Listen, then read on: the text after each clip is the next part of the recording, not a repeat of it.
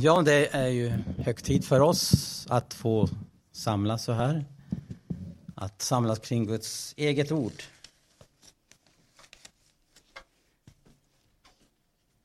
Det är ju så att människan upplever ju sin tillvaro här på jorden ganska ohållbar. Och eh, allting synes vackla omkring henne. Och eh, Profeten går så långt så han säger jorden vacklar, ja den vacklar. Men eh, Jesus han undervisar ju om att det fanns för människan någonting att bygga på som inte förändras eller faller undan för tidens strömningar eller eh, det inflytande som människan utsätts för ifrån den eh, osynliga världen. Vi kanske inte ofta så tänker så mycket på att människan är ju påverkad av en osynlig värld. Vi kanske många gånger bara ser det som är för ögonen. Men Paulus säger ju det, skriver till Efeserna att ska ni veta att vår kamp, det är inte mot kött och blod utan mot ondskans andemakter i himlarymderna. Så därför ska ni ta på er hela Guds vapenrustning. Inte en del av den, utan hela Guds vapenrustning ska ni äga för att ni ska kunna stå emot djävulen och hans listiga angrepp. Ära vare Gud. Och därför är det gott att samlas idag och ta del av de heliga skrifterna. Det var väldigt dyrbart för Paulus att kunna skriva till Timoteus om just detta att du känner från barndomen de heliga skrifterna som kan giva dig vishet. Och vad står det mer? Så att du bliver frälst. Det är så att vi ska ju, vi som har blivit frälsta, vi måste bli också frälsta, slutfrälsta. Handlar det om? Det handlar om eh, en resa här i tiden som eh, ingen kan vinna seger om inte man får Guds ord till sitt hjärta. Därför att eh, om vi har börjat vår vandring så, så säger ju Guds ord det att det är den som vinner seger som når fram. Det handlar om att ta upp en kamp, att vinna seger över någonting. Och där behöver vi då Guds ord.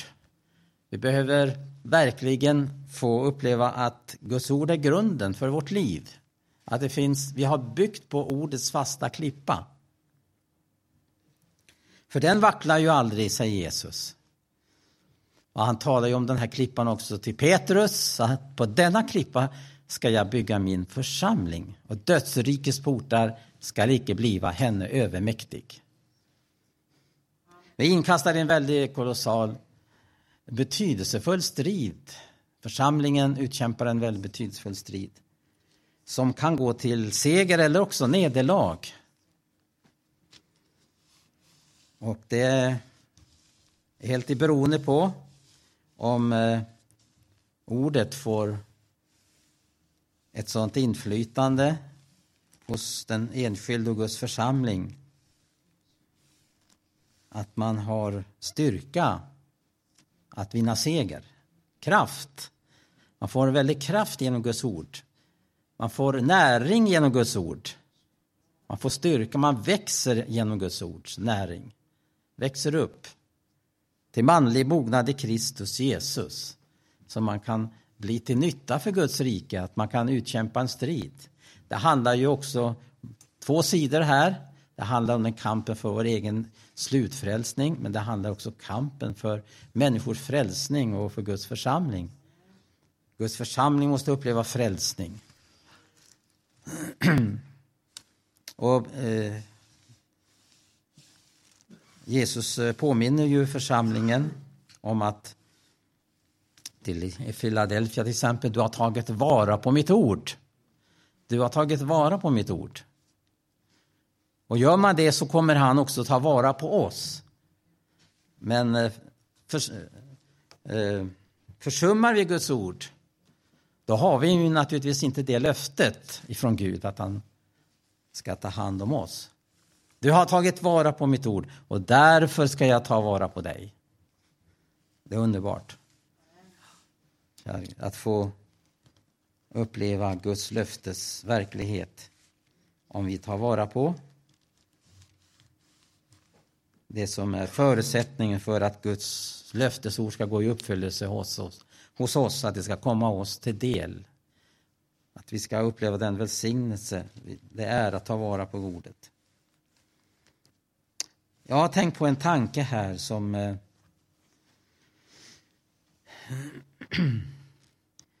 som eh, finns i första Timoteusbrevet 5. Det är inte själva texten som sådan, utan det, eh, det här sammanhanget som jag vill läsa, det, det handlar ju om eh, eh, det Paulus ålägger Timoteus att ordna om.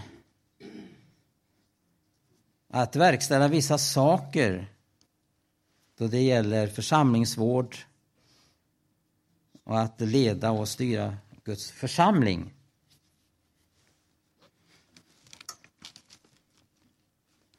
Men jag ska ändå läsa den här texten därför att det framkommer några ting här som jag vill lyfta fram ur och, och eh, komma in på andra bibelsammanhang. Men som naturligtvis har ett samband med varandra. Det står så här då i första Timoteus 5 och från den femte versen. En rätt värnlös änka som sitter ensam, hon har sitt hopp i Gud och håller ut i bön och åkallan natt och dag. Med en sådan som allenast gör sig goda dagar, hon är död fastän hon lever. Förhåll, förhåll dem också detta så att man inte får något att förvita dem. Men om någon icke drager försorg om sina egna först och främst, sina närmaste, så har han har denne förnekat sin tro och är värre än den otrogen.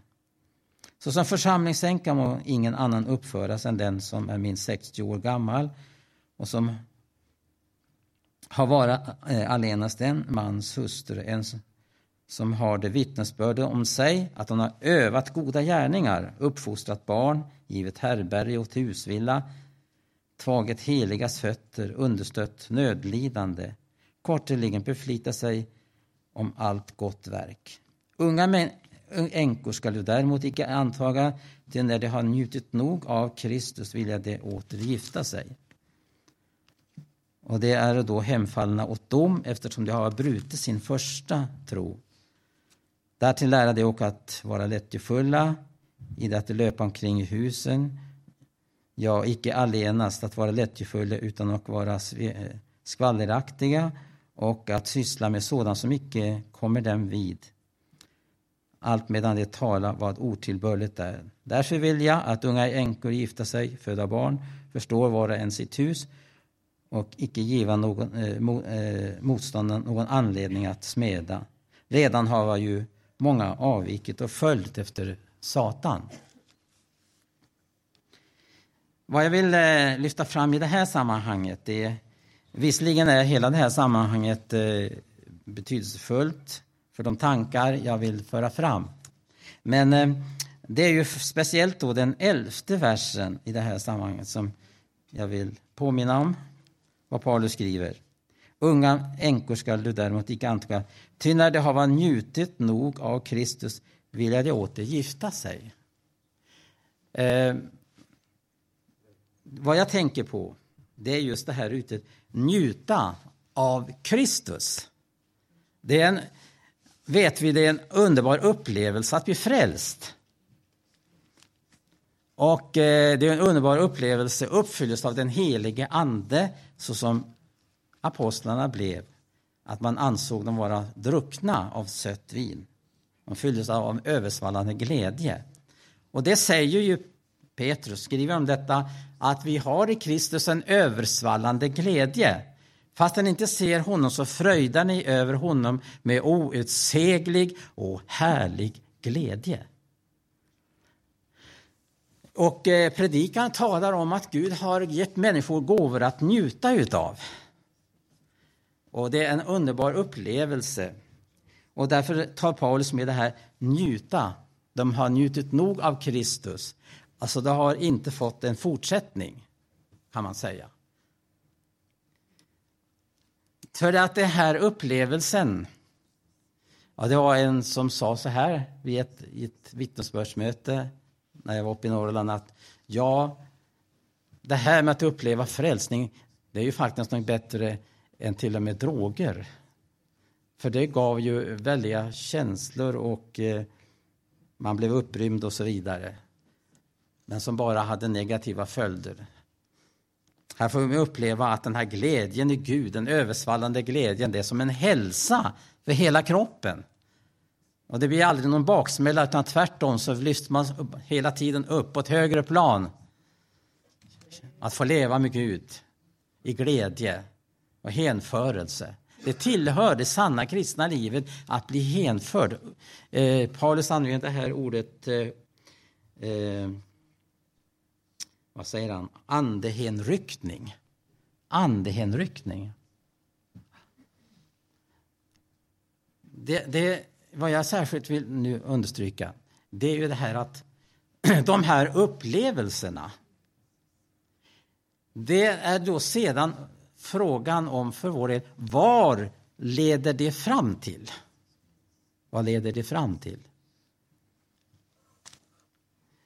Därför att eh, det kom ett, ett ordspråk till mig helt osökt. Jag har, inte jag har inte läst det någonstans, men det bara kom. Och eh, det lyder så här. Att den stora eh, njutningsglädjen. Ja, nu har jag tappat bort det där. Jag skrev det upp det här.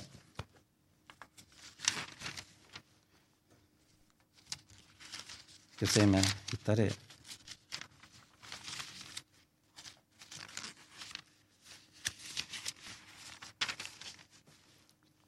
Ja, det kanske jag får återkomma till. Det är ju en stor glädje i detta med njutandet av Guds frälsningsglädje och få frid i sitt hjärta. Men det är inte den, den största glädjen. Den största glädjen är det som sker därefter. Att eh, det sker ett resultat utav min upplevelse med Jesus Kristus. Vad skriver han här? De vill ha åter gifta sig när de har njutit nog av Kristus. De missade den, naturligtvis den väsentliga delen av vår frälsning. Och där kan man också då tala om att det handlar om ett blomstadie. Men det, var, men det var som en eh, som blev tillfrågad av turister på norska västlandet att eh, vilken blomprakt, var så begeistrade. Men han sa att ja, men jag fäster mig inte så mycket vid det. Det är ju frukten därefter som är så stort. Att det kommer en frukt efter blomningstillstadiet. Jag tror också att teologiskt sett så kan, en, kan man uppleva ett missförstånd eller eh, man har missat någonting väsentligt därför att det, det är ju genom Guds ordets tro så man verkligen får tag i de andliga realiteterna. Att det framför allt finns en fortsättning på vår frälsning, vår frälsningsupplevelse att uppleva som är så viktigt. Det är ju tragiskt detta att bara stanna vid blomningstillståndet. Men alltså få komma där och få att bära frukt. Vi har ju också läst här i veckan tre, fyra gånger på bönesamlingar om eh, det Jesus undervisar i Matteus 15 om han är vinträdet och han talar då i sitt avskedstal till lärjungarna och säger att ni är grenarna. Om denna gren bär frukt så kommer Gud som är vingårdsmannen att rensa grenen för den ska bära mer frukt. Tack och lov. Om någon förbliver i mig, om det, om jag säger så här, om det finns en fortsättning på Guds frälsning för oss, då kommer det att bära frukt. Det sker inte i ett enda trollslag, utan det har sin tid. Men det kommer att bära frukt. Om man är observant på detta, att Gud fortsätter sitt verk i oss. Frälsning, det är ju bara startpunkten, det är ju bara begynnelsen. Och därför skriver Paulus så här i Filipperbrevet, någonting väldigt viktigt att ta vara på.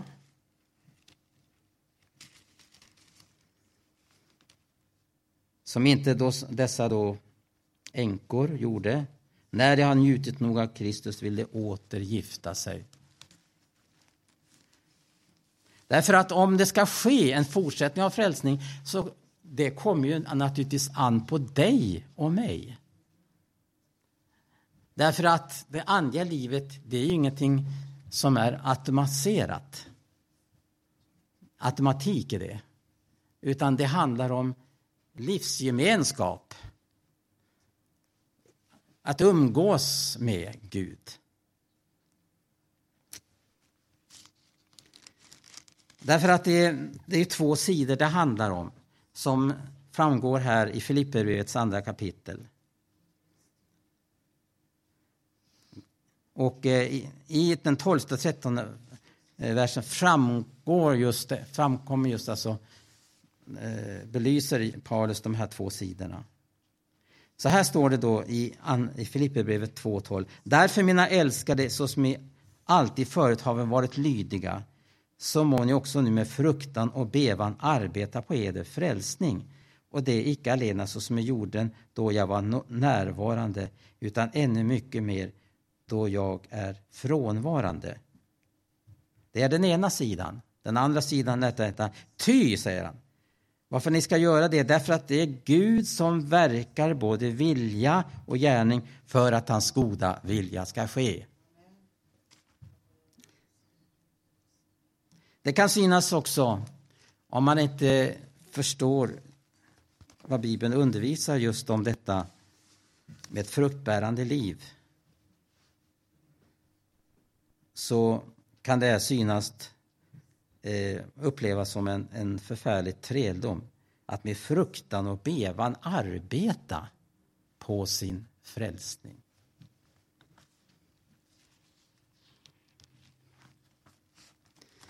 Det är ju viktigt att komma ihåg de här två sidorna just i Guds arbete med oss och hur vi genom tron tillgodogör oss de andliga verkligheterna. För ena sidan så handlar ju det om en trons vila. Men å ena sidan så handlar det också om aktivitet. Trons vila är ju detta att det är Gud som verkar vilja och gärning. Det är trons vila. Medan det handlar om, för vår del, en aktivitet. En aktivitet. Att med fruktan och bevan arbeta på sin frälsning. Ja. Ära vare Gud. Och det är någonting underbart för en sann kristen. Som inte lever i träldom utan lever i en sann frihet. Och det, var, det var två sångstrofer som kom till mig när de här tankarna arbetade i mitt huvud och hjärta. Och det är bland annat den här, dels den här sången, mycket kända sången Jag vill följa dig, och Jesus.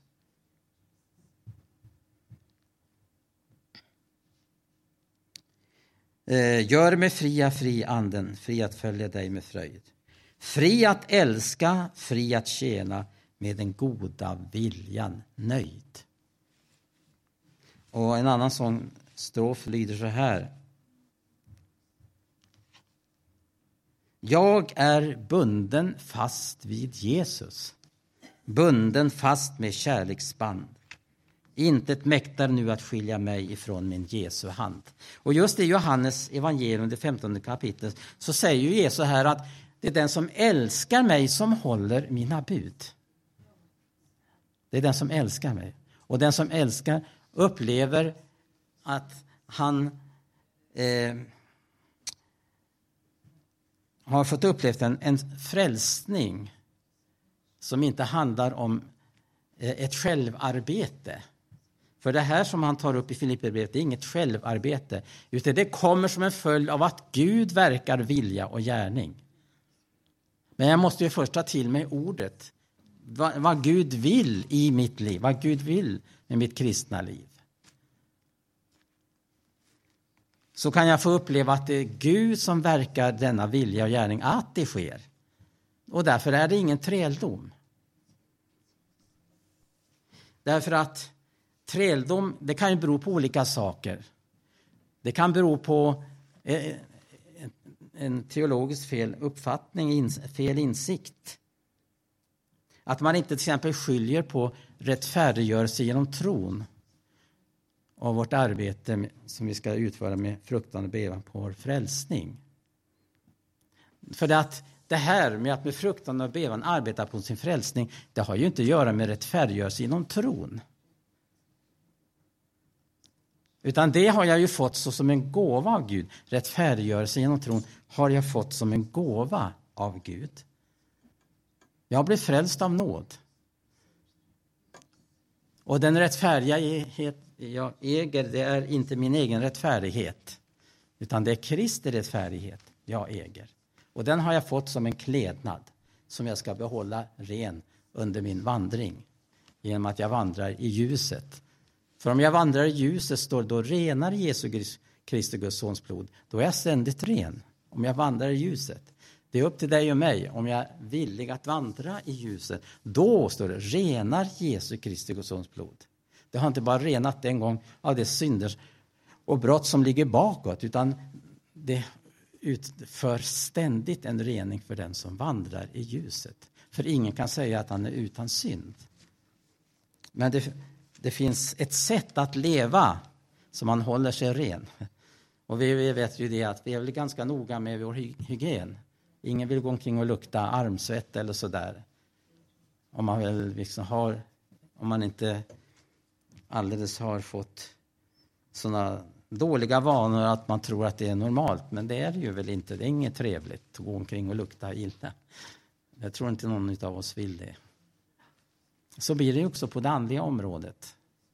Att hålla sig frisk, ren och fräsch och förnyad i den helige Ande. Man lever inte på gamla välsignelser. upplever någonting nytt av Jesus varje dag. Ära vare Gud. Jag håller mig frisk och ung.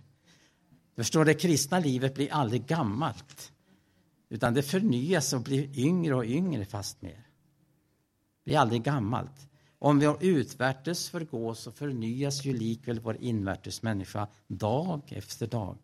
Och den troende människan erbjuds, som psalmisten säger, att få vandra i seger, från seger till seger, från kraft till kraft, till dess vi når hemmet. Ära vare hans underbara namn. Att skilja just på detta, det är ju väldigt viktigt. Att jag gör inte det här för att jag ska uppehålla en rättfärdighet, som jag sa här. Den har jag ju fått som en gåva. Det genom tron. Det är därför det heter rättfärdiggörelse genom tron. Jag har blivit gjord rättfärdig genom Jesu Kristi försoning. Därför att många kan vara så här allergiska mot om man nämner om bud och stadgar. Man har alltså hamnat i motsatta dike.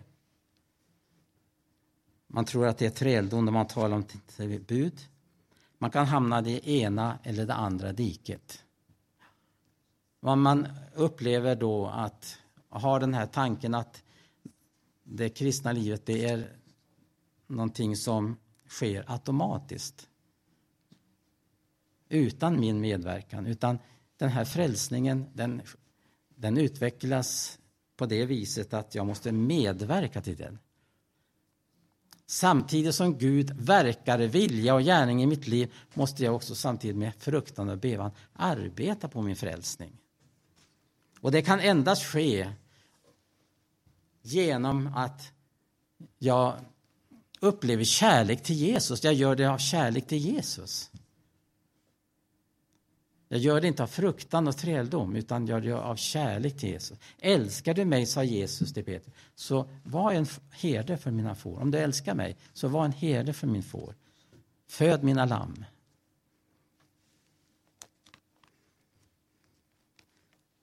Det är det som är så underbart. Att, som Jesus säger, att min börda är lätt och mitt ok är milt. Kära Gud. Det finns en, en källa att ösa ur som gör att ja, så som Petrus skriver. Vi ska läsa det här ordet i Petri andra brev, första kapitel.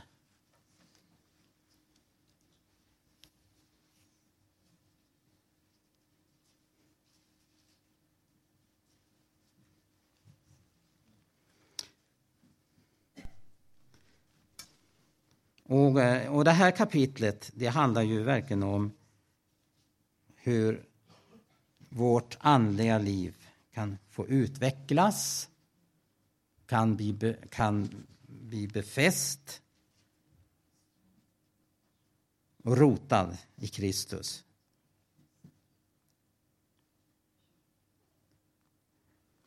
Eh, på, och har sån stor betydelse för oss och som han säger här att om vi gör det så ska vi aldrig någonsin komma på fall.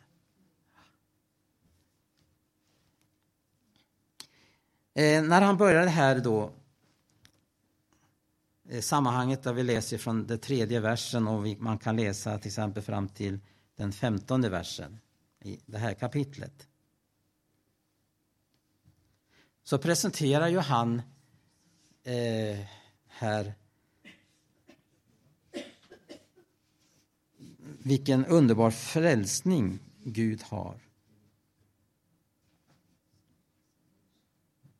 Att allt det som till exempel leder till liv och gudsfruktan, det har han skänkt oss genom kunskapen. Gud har givit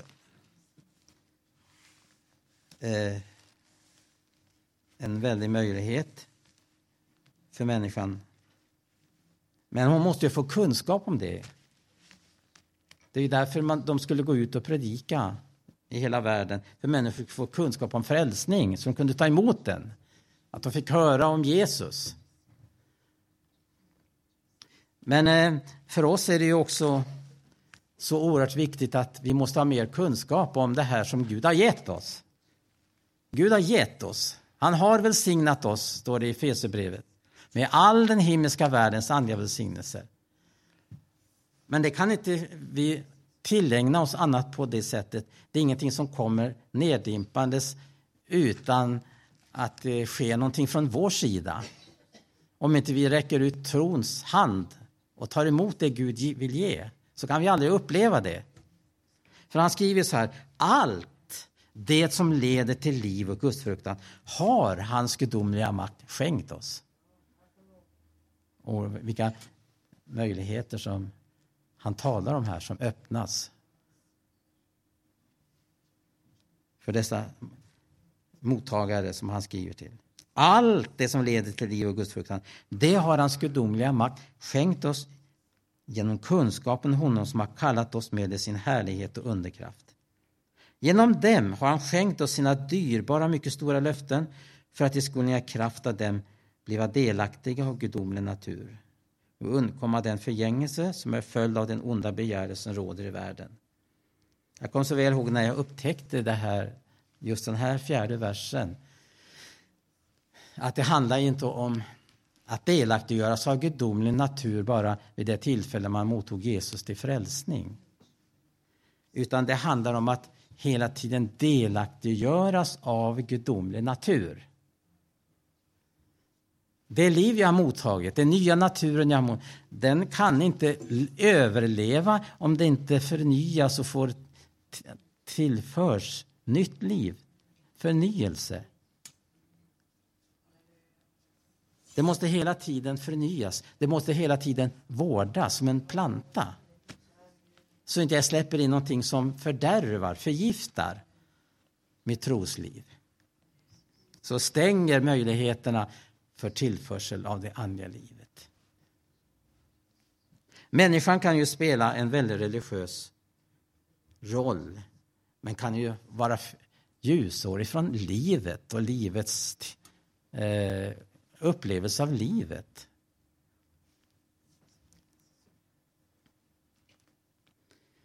Delaktiggöras. Jag måste de, hela tiden delaktiggöras av gudomlig natur. Därför att det är väldiga krafter. Och det har vi väl alla upptäckt. Det är mycket som står emot oss, som står emot på, ett, på frälsningens väg. Det är väldiga krafter. Framförallt inom oss är det väldiga krafter. Och därför är det väldigt viktigt att skilja på frälsningsupplevelse och det som eh, handlar om slutfrälsning. Här vi läste att de är död fastän de lever, står det. Han skriver till troende människor, de är döda. De har övergivit sin första tro. Det fick ingen fortsättning.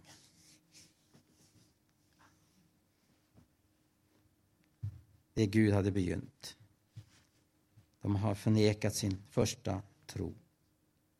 Och därför så, eh, eftersom det är så på det här viset, eh, menar han då, Petrus, så ska vi vinnlägga oss. Vi ska vinnlägga oss. Vi ska ge, om man kan säga eh, vinnlägga, vi ska ge utrymme för det nya livet att verka i oss. På det viset att vi gör det Guds ord säger vi ska göra. För om vi äger livet, om vi har livet i Kristus så kan vi uppleva att om vi tar till oss Guds ord och vill lyda det, om vi vill lyda det, så ger vi utrymme för ordet, att det får verka i våra liv. Till likbildning med Jesus Kristus. Vi ger utrymme för ordet i våra liv när vi tar till oss, vill lyda ordet. Det var ju så Jesus vann seger över djävulen. Man kunde säga att han hade Guds lärobok, om jag får det, använda uttrycket, Guds lärobok med sig. Och han sa, det står skrivet. Och djävulen måste vika. Och han, och, och, han säger, så som jag har hållit min faders bud, så ska också ni göra det. Hålla mina bud.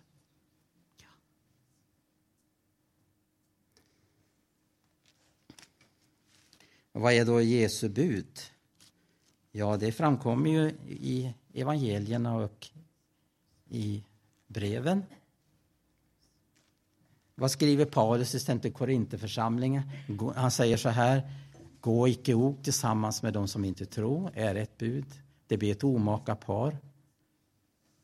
Och det blir någonting som inte kan behaga Gud.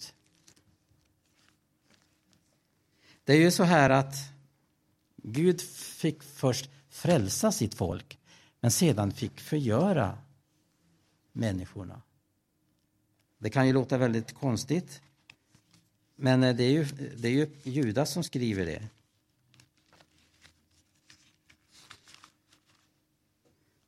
Så här står det. Eh, han uppmanar att kämpa för den tro som en gång för alla har blivit överlämnad åt det heliga det är alltså Judas brev, vers 3. Men så står det så här i femte versen. Men fast ni redan en gång har fått kunskap om allt sammans.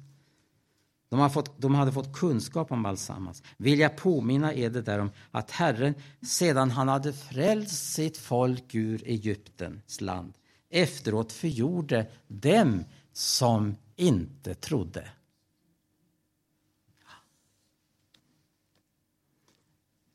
Och som jag sa här så är det genom tron vi tillägnar oss andliga verkligheter. Genom, vi tar genom tron tillägnar vi oss ordet. Det var därför Jesus underströk det. Det är den som gör, inte bara hör, men gör efter mitt ord som är lik en man som byggde sitt hus på Hällebergets grund och det stormade, vattenströmmarna kom, men huset stod ändå kvar. För det var grundat på Herreberg, Hälleberg. Och så säger, är det med var och en som hör och gör efter ordet. Tack och lov. Det är det han, när han slutför, det är det som eh, han eh, slutför det här sammanhanget, eh, Petrus, nej, ja, Petrus, när han skriver så här att om vi gör vår kallelse och utkårelse fast så ska vi aldrig någonsin komma på fall. Men vi måste läsa också vad som står däremellan. Därför att när vi då har, eh, ser av inledningen här i det här sammanhanget att, att eh, Gud har skänkt oss allt det som leder till liv och gudsfruktan genom kunskapen. Genom kunskapen om dessa ting. Du vet väl det att atomkraften har ju alltid funnits men på senare tid har människor fått kunskap om hur man kan utnyttja den. Vi behöver kunskap för att vi ska kunna utnyttja allt det som leder till liv och gudsfruktan. Och då kan vi få vara med om det här att vi kan vinnlägga oss om att på allt sätt i vår tro visa dygd. Dygd kanske är nu är mer ett föråldrat ord men man kan översätta det med eh, livsföring på det sätt jag lever här i tiden. Och det är ju någonting fantastiskt egentligen att komma in på det området. Att vi är ett... Man brukar säga det att vi är de ofrälstas bibel. De läser inte den här bibeln, men de kan läsa oss. De läser bibeln hos oss. De ser och de är väldigt uppmärksamma. Det har jag märkt på, olika, på arbetsplatser man var. De noga. Eh, hur är det nu med hans frälsning? Er, och, och, det är ju det vi är kallade till, säger Paulus. Vi är ett Kristusbrev, läst och känt av alla. Och det är en oerhörd mission. Det är en oerhörd möjlighet. Det hjälper inte med tusen och miljoner ord om det inte finns förankrat i vårt liv. Då är vi bara vår vistelse bland människor ett vittnesbörd om Kristus. Halleluja, ett brev läst av alla. Vinnläggande är det därför på ett allt sätt att i det tro bevisa dygd och i dygden kunskap. I kunskapen återhållsamhet. Paulus talade om ah, återhållsamhet i alla stycken. Det är nödvändigt att när man lever i den här världen. I denna värld som vi gör. På, med tanke på det sätt de ogudaktiga människorna lever och eh, agerar för, proklamerar. Tänk barnen som i, redan i förskolan får, får lära sig någonting som handlar om en livsstil som är fjärran ifrån en sann gudsfruktan, till exempel. Och så går och skolan har ju förstört barnen så förfärligt. Vilken skörd som kommer av detta, denna sådd vad man får lära där. Vad man förespråkar. Och Bibeln talar ju om det att, att eh, man måste skilja sig från det som är fördärvar och förstör våra sinnen och vårt liv. Vi kan inte ta del av det. Därför skriver han just om detta till Korinterna att, att gå inte ok tillsammans, gå utifrån. Vi kan läsa det innantill här, Andra Korinthierbrevet 6. Visserligen ett ord som vi ofta återkommer men vi har ju upplevt det att vi vill ju vara ett annorlunda folk. Den här församlingen. Vi vill vara ett annorlunda folk. Vi vill leva på ett annorlunda sätt.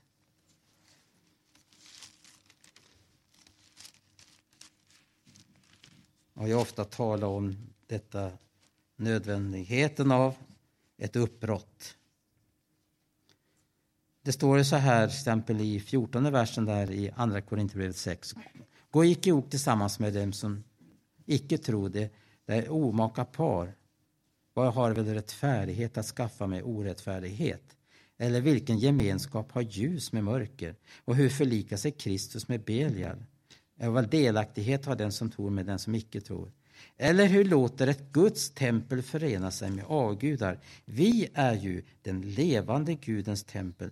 Till Gud har sagt, jag ska bo ibland dem och vandra ibland dem. Alltså Gud vill ha ett avskilt folk för han vill bo ibland dem, vandra ibland dem. Och jag ska vara deras Gud och det ska vara mitt folk. Alltså, gå ut ifrån dem och skilja ner från dem, säger Herren, kommer icke vid det som är orent är, då skall jag taga emot eder. Där har vi detta löfte igen, som alltid följer med med Guds ords uppmaningar. Då skall jag taga emot eder. Och då vill nu hava dessa löften, mina älskade. Så låt dem oss, re, eh, låt dem oss rena oss från allt som befläckar vare sig kött, ande, i det att vi fullbordar vår helgelse i Guds fruktan. Ja. Kära Gud. Det är inte populärt i den här tiden att tala om de här tingen, att leva avskild från världens livsstil och så vidare. Men det är så oerhört nödvändigt med tanke på att Hebreerbrevet säger så här att utan helgelse får ingen se Herren. Du kan uppleva rättfärdiggörelse och uppleva en härlig frälsning, men finns det inte en fortsättning av detta så som jag citerat från Hebreerbrevet så kan vi aldrig få se Gud. Utan helgelse får ingen se Herren. Men det är underbart att Gud lägger ju ner en längtan i våra hjärtan att få leva i renhet och avskildhet. Och vi blir ju inte färdiga på en dag, utan det, helgelsen är naturligtvis någonting som pågår hela livet. Och jag möter nya ting imorgon som jag ställs inför, och jag ställs inför val att välja. Ska jag förenas med det? Är det här nyttigt för mig? Eller är det till skada? Jag håller mig borta ifrån detta. Du blir en särling, du blir en eh, människa som andra inte förstår dig på, förstår sig på. Men Jesus förstår dig. Halleluja. Och det är det väl det viktigaste. Att få an, leva i umgängelse med honom. Då ska jag ta emot eder och vara en fader för eder. Ära vara hans underbara namn. Jag ska strax avsluta, men eh, jag vill nämna lite till om det här med, med några bilder. Jag tänker på, det är ju så att om vi återgår till det här i Filipperbrevet där vi uppmanas att med fruktan och bevan arbeta på vår frälsning. För det är Gud som verkar, är vår vilja och gärning, för att hans goda vilja ska ske. Tack och lov. Det är väldigt komma, viktigt att komma ihåg de här två sidorna. Det är ju många sammanhang som eh, man kan säga de här två sidorna följs åt. När vi läser i olika bibelsammanhang som just handlar om de här tingen.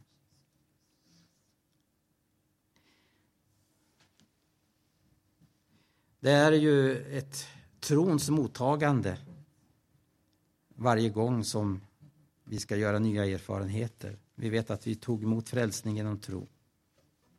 Men det handlar ju inte bara om att vi tar emot någonting utan det handlar om, när man tror, då, då handlar det ju inte om, om, om gärning. Abraham blev rättfärdig utan gärning, genom tro. Men det utesluter ju inte sedan en gärning.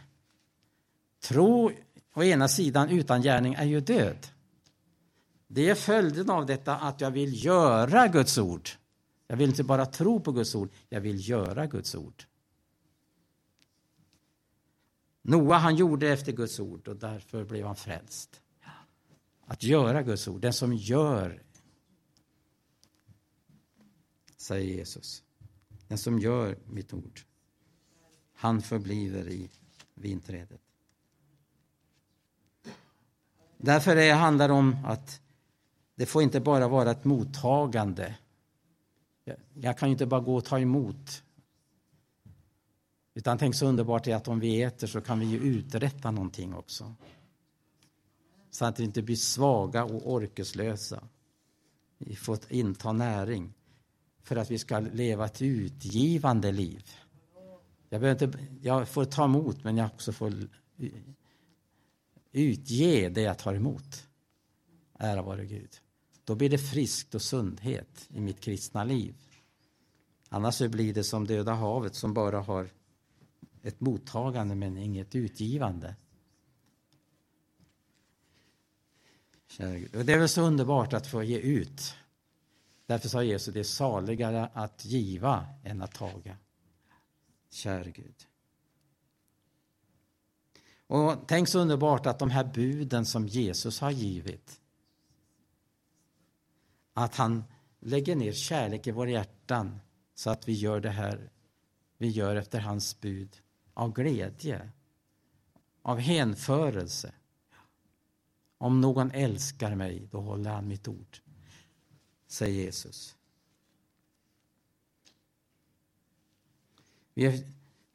Det är ju så också att om vi tar det här på det materiella planet. Om du har en bil och du lägger i och du, du lägger inte i någon växel utan du låter motorn arbeta där den står. Så går den ju upp i varv och eh, den nästintill skakar sönder eller blir förstörd. Men så lägger man i en växel så den får börja arbeta och, och då fungerar allting. För den är den är tillverkad för det, att den ska arbeta. Den ska förflytta, omsätta energi i ett arbete. Enkelt, men... Jag tänkte på en annan bild faktiskt. Det tänker på att kunna... Det är, inte, det är ju så här att valet ligger hos oss faktiskt. Om Guds rikes krafter ska komma till herravälde hos oss. Om Guds rikes krafter ska komma till herravälde, då så ligger det faktiskt i vår hand. Jag skulle vilja ta en bild. Det är ju snart vår, om en eller två månader. Så börjar ju snön smälta och så kommer då vårfloden. Och den kan arbeta sig fram på ett väldigt mäktigt sätt. Men den arbetar sig fram bara till en viss gräns. Har du tänkt på det? Blir det för hårt motstånd så tar den en annan väg. Och så är det också både med den enskilde och Guds församling. Har vi för mycket förankring? För, för att, varför blir det ett stopp ibland för vårfloden? Jo, det är bråte som sätter sig fast och har så pass stor förankring av den övriga omgivningen så att den rubbas inte. Och då tar strömmen en annan väg. Så är det också för oss. Vi har så mycket förankring i, det, i vår omgivning. Vi har för mycket förankring så att vårfloden rår inte på. Eller det är inte så att den inte rår på, utan det är så att Gud tvingar sig inget. Gud tvingar sig inte på denna frälsning, denna pågående frälsning. Den tvingar inte Gud på. Han vädjar, öppna för mig som han gjorde till Laodicea-församlingen. Han stod och knackade på. Får jag komma in? Om någon öppnar för mig. Församlingens dörr var stängd, men han vädjade till den enskilde. Om någon öppnar så ska jag gå in till honom och hålla måltid. Så är det också i det kristna livet. Vi har så mycket förankring i det som är fast i tiden. Det här bråtet det sätter sig fast i träd och grenar och andra ting. Så vårfloden måste ta en annan väg. Och så är det också för Guds församling och det gäller väckelse. Man kan stänga eller man kan öppna för väckelsen. Man låter vårfloden komma och föra med allt bråte som ska bort. Kära Gud, Gud verkar vilja och gärning. Halleluja. Men det är hänvisat till om vi vill också göra det ena. Om vi vill anamma den andra sidan. Så jag vill särskilt påminna här idag om dessa två sidor som Filipperbrevet talar om. Dels att med fruktan och bevan arbeta på sin frälsning för att Gud ska kunna verka vilja och gärning i våra liv. Halleluja. Frälsningen, den pågående frälsningen handlar ju, kan man säga, om ett, eh, någonting man samarbetar med Gud med. Det är ingenting autom automatiserat, utan Gud vill, måste ha ditt hjärta med på det här. Din vilja. Kär Gud, vill du så kan du få uppleva underbara ting ifrån Herren. Halleluja. Någon som tackar Jesus så jag avslutar jag här. Prisa Herren. Halleluja.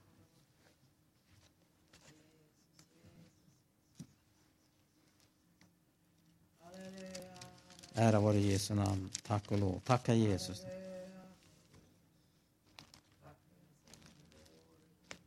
Halleluja. Ära vare Gud. Amen. Tack och lov, Herre Jesus Kristus. Tack och lov. Fader i Jesu namn. Amen. Amen. Tack gode Gud för din nåd, Herre. Käre Jesus.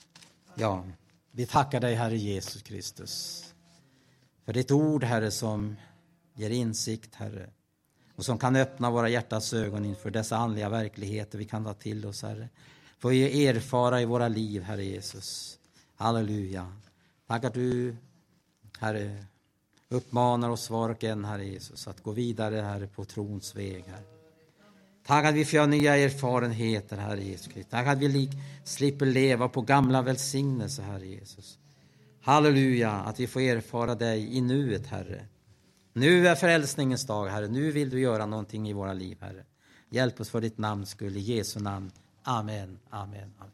Jag ska bara avsluta med att hänvisa till ett annat bibelord också som talar om det här. Också just hur viktigt, hur allvarligt det är. Jag börjar ju läsa det här om det som har njutit nog av Kristus och så vill de åter gifta sig. Det är inget fel att de gifta sig, men, men alltså, han skriver också därför vill jag att unga änkor ska gifta sig och förestå sitt hus och föda barn och, och så vidare. Men det här speglar ju ändå en väldig sanning om inte det finns en fortsättning på det Gud har begynt.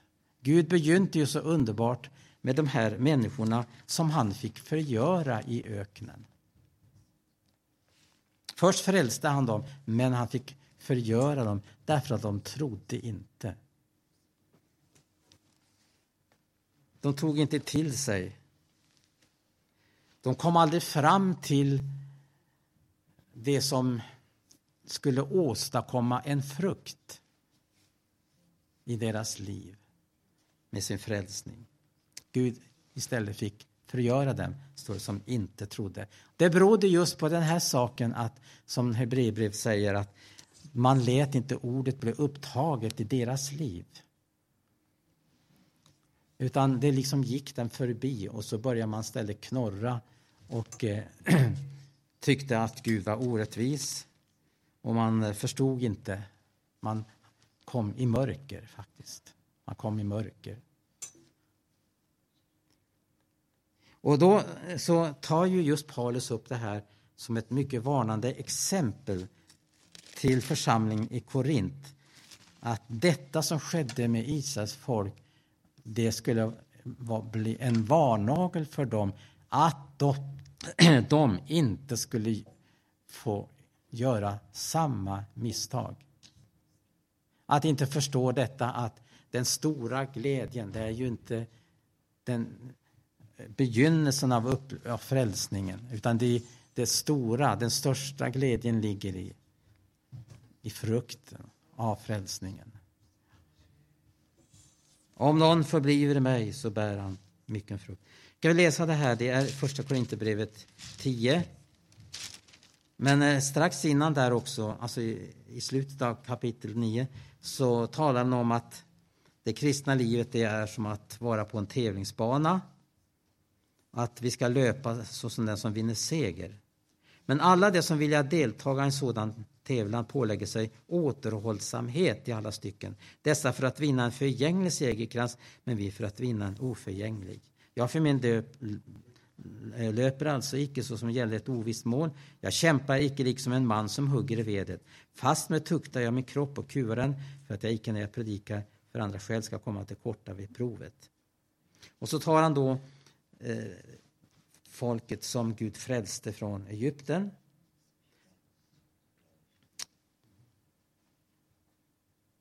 Eh, och han eh, säger då att, att alla dessa som, som Gud tog ut, de fick erfara Guds under. De fick eh, till exempel uppleva att de i molnskyn och i havet blev döpta till Mose, att de fick äta andlig mat. De fick dricka andlig dryck. De drucko nämligen en andlig klippa som åtföljde den och den klippan var Kristus. Men så står det, men de flesta hade Gud icke behag till, de blev ju nerjordade i öknen. Detta skedde oss till en varnagel för att vi icke skulle ha begärelse till det onda så som de hade begärelse därtill. Ej heller skola vi bliva avgudadyrkare som så somliga av dem blev. Det är ju skrivet, folket satte sig ner för att äta och dricka och därpå stod det upp till att leka. Och så vidare och så vidare.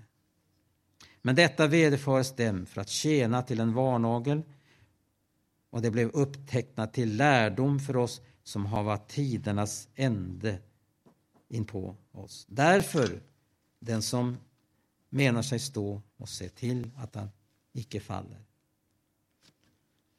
Må Gud hjälpa oss att vi tar fasta på dessa lärdomar, att inte vi gör sam, får göra samma erfarenhet käre Gud.